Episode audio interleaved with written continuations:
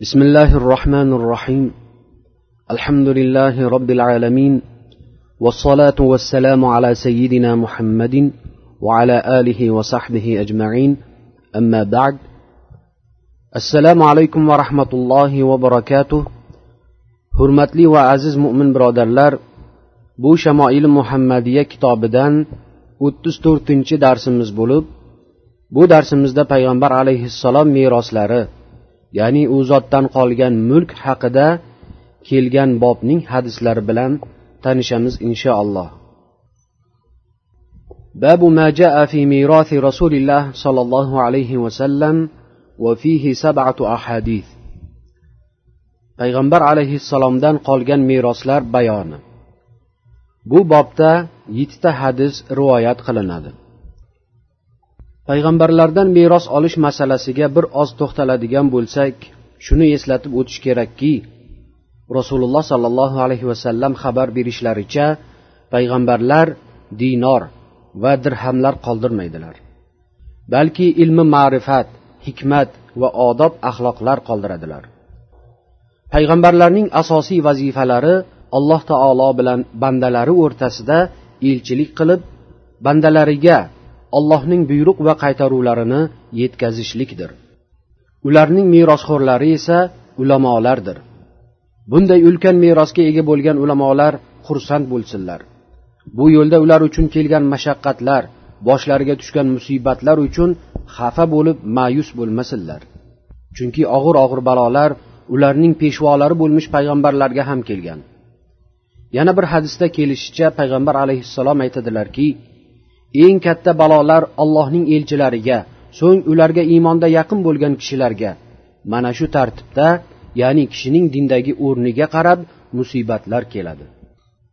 Demak eng katta musibatlar dinda mustahkam bo'lgan chinakam mo'min musulmonlar uchun bo'ladi.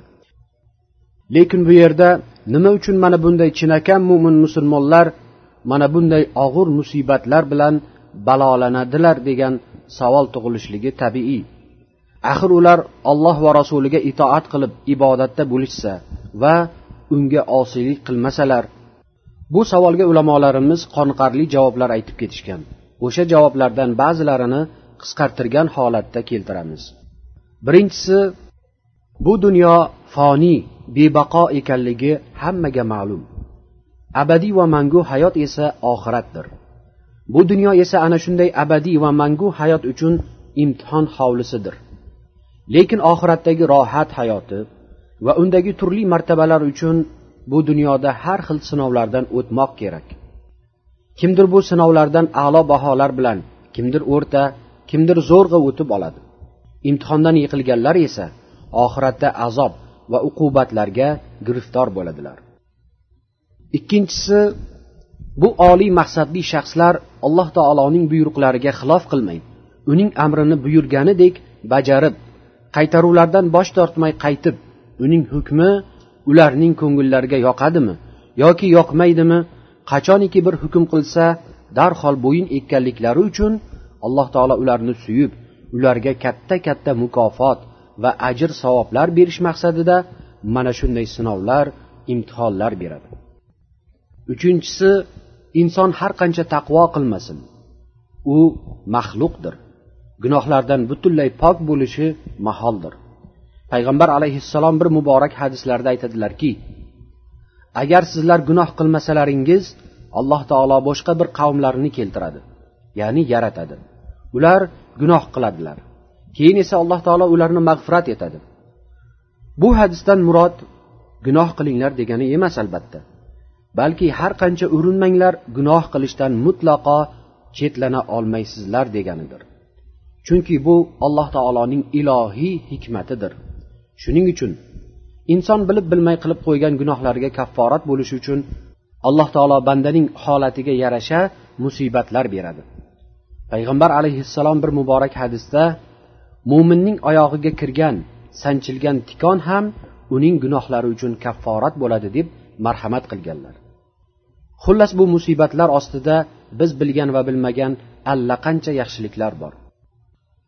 قال حدثنا أحمد بن منيع قال حدثنا حسين بن محمد قال حدثنا إسرائيل عن أبي إسحاق عن عمرو بن الحارث أخي جويرية له صحبة قال ما ترك رسول الله صلى الله عليه وسلم إلا سلاحه وبغلته وأرضا جعلها صدقة juvayriyaning inisi amr ibn xorisdan rivoyat qilinadi u sahobalardan bo'lgan ekan aytadiki rasululloh sollallohu alayhi vasallam qurollari hajr eshaklari va sadaqa qilib yuborgan yerlaridan boshqa hech narsa qoldirmay dunyodan ko'z yumgan edilar قال حدثنا محمد بن المثنى قال حدثنا أبو الوليد قال حدثنا حماد بن سلمة عن محمد بن عمرو عن أبي سلمة عن أبي هريرة رضي الله عنه قال جاءت فاطمة إلى أبي بكر رضي الله عنهما فقالت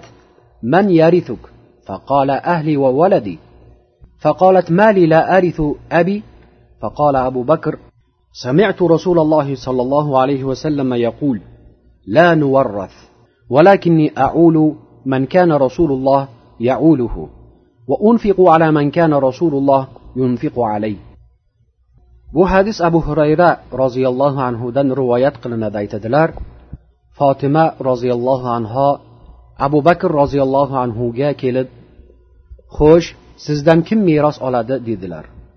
Abu bakr ahli ayolim va farzandlarim dedilar. Unday bo'lsa nima uchun men otamdan meros olmayman? dedilar. Abu bakr aytdilarki men rasululloh sollallohu alayhi vasallamni bizlardan meros olinmaydi degan so'zlarini eshitganman lekin men u zot qaramoqlaridagi odamlarni ta'minlab turaman va u zot nafaqa qilgan kishilarga nafaqa qilaman قال حدثنا محمد بن المثنى قال حدثنا يحيى بن كثير العنبري أبو غسان قال حدثنا شعبة عن عمرو بن مرة عن أبي البختري أن العباس وعليا جاء إلى عمر يختصمان يقول كل واحد منهما لصاحبه أنت كذا أنت كذا. فقال عمر لطلحة والزبير وعبد الرحمن بن عوف وسعد رضي الله تعالى عنهم أنشدكم بالله أسمعتم رسول الله صلى الله عليه وسلم يقول كل مال نبي صدقة إلا ما أطعمه أنا لا نورث. وفي الحديث قصة. أبو البختريدن روايات قلنا دايت دلاركي abbos va ali roziyallohu anhular umar roziyallohu anhuning huzurlariga husumatlashib keldilar. Ularning har biri sherigini sen shundaysan der edi. Umar tolhaga zubayrga abdurahmon ibn avfga va sad roziyallohu anhularga aytdilarki allohga qasamki payg'ambar alayhissalom payg'ambarning hamma moli sadaqadir magar infoq qilgani emas bizlar payg'ambarlar meros qoldirmasmiz deganlarini eshitganmisizlar hadisda talaygina qissa bor edi deydi roviy قال حدثنا محمد بن المثنى قال حدثنا صفوان بن عيسى عن أسامة بن زيد عن الزهري عن عروة عن عائشة رضي الله تعالى عنها أن رسول الله صلى الله عليه وسلم قال لا نورث ما تركنا فهو صدقة عائشة رضي الله عنها روايات قلنا aytadilarki rasululloh sollallohu alayhi vasallam bizdan meros olinmaydi. Bizlardan qolgan narsalarning bari sadaqadir degan edilar. قال حدثنا محمد بن بشار قال حدثنا عبد الرحمن بن مهدي قال حدثنا سفيان عن أبي الزناد عن الأعرج عن أبي هريرة رضي الله تعالى عنه عن النبي صلى الله عليه وسلم قال لا يقسم ورثتي دينارا ولا درهما ما تركت بعد نفقة نسائي ومؤونة عاملي فهو صدقة abu hurayra roziyallohu anhudan rivoyat qilinadi u kishi payg'ambar alayhissalomdan rivoyat qiladilar payg'ambar alayhissalom mening merosim xoh dinor bo'lsin xoh dirham bo'lsin taqsimlanmaydi ahli ayolimning nafaqasi va xizmatkorimning ish qurolidan tashqari men qoldirib ketgan narsalar barchasi sadaqadir قال حدثنا الحسن بن علي الخلال قال حدثنا بشر بن عمر قال سمعت مالك بن أنس عن الزهري عن مالك بن أوس بن الحدثان قال دخلت على عمر فدخل عليه عبد الرحمن بن عوف وطلحة وسعد وجاء علي والعباس يختصمان فقال لهم عمر أنشدكم بالذي بإذنه تقوم السماء والأرض أتعلمون أن رسول الله صلى الله عليه وسلم قال لا نورث ما تركناه صدقة فقالوا اللهم نعم وفي الحديث قصة طويلة molik ibn avs ibn al hadsondan rivoyat qilinadi aytadilarki umar roziyallohu anhuning oldilariga kirdim u zotning huzurlariga abdurahmon ibn avf tolha va sad roziyallohu anhular ham kirdilar keyin esa ali va abbos ikkovlari tortishib keldilar Umar ularga aytdilarki yeru osmonlar uning izni ila qoyim bo'ladigan zotga qasamki menga aytinglarchi rasululloh sollallohu alayhi vasallam bizdan meros olinmaydi. Bizlar tashlab ketgan narsalar sadaqadir deganlarini bilmaysizlarmi? Ular baravariga allohga qasamki xuddi shundoq dedilar. Roviy aytadiki hadisda anchagina qissa bor edi.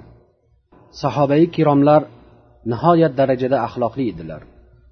alloh taoloni o'rtaga qo'yib ya'ni alloh taologa qasam qilib ulardan haqiqatni so'ralsa ular yashirmay o'zlarini zararlariga bo'lsa ham haqiqatni aytar edilar chunki ular rasululloh sollallohu alayhi vasallamning tarbiyalarini ko'rgan qur'on ta'limotlariga asoslanib hayot kechiradigan oliy xulqli shaxslar edilar قال حدثنا محمد بن بشار قال حدثنا عبد الرحمن بن مهدي قال حدثنا سفيان عن عاصم بن بهدلة عن زير بن حبيش عن عائشة رضي الله عنها قالت ما ترك رسول الله صلى الله عليه وسلم دينارا ولا درهما ولا شاة ولا بعيرا. قال وأشك في العبد والأمة. عائشة رضي الله عنها دان روايات قلنا دايت دلاركي رسول الله صلى الله عليه وسلم نا دينار ونا درهم نا قوي ونا تويا قلدر يعني دلار. Roviy aytadiki qul bilan cho'rini ham zikr qilganliklarida shak qilaman. Rasululloh sollallohu alayhi vasallam hajjatul vadoda ya'ni vidolashuv hajida eng oxirgi qilgan hajlarida yuzta tuya so'yib go'shtlarini ehson qilib yuborgan edilar. Hunayn g'azotida o'lja bo'lib qo'lga tushgan tuyalardan yuzlab tuyalarni yangi islomni qabul qilgan makkalik kishilarning ba'zi birlariga inom qilgan edilar. Goho madinada bo'lganlarida yangi islomga kirgan qabilalar u zotning huzurlariga kelib mol so'raganda yuzlab tuya qo'y mollarni berib yuborgan edilar. Alloh taolo g'azotdan olinadigan g'animatning beshdan birini u zotga shaxsiy ulush haq qilib bergan edi. Lekin payg'ambar alayhissalom uni olloh yo'lida infoq qilib yuborar edilar. Alloh taolo bizlarni u zotning merosxo'rlaridan qilsin. Va sallallohu vasallam ala nabiyina muhammad va ala alihi va sahbihi ajmain assalomu alaykum va rahmatullohi va barakatuh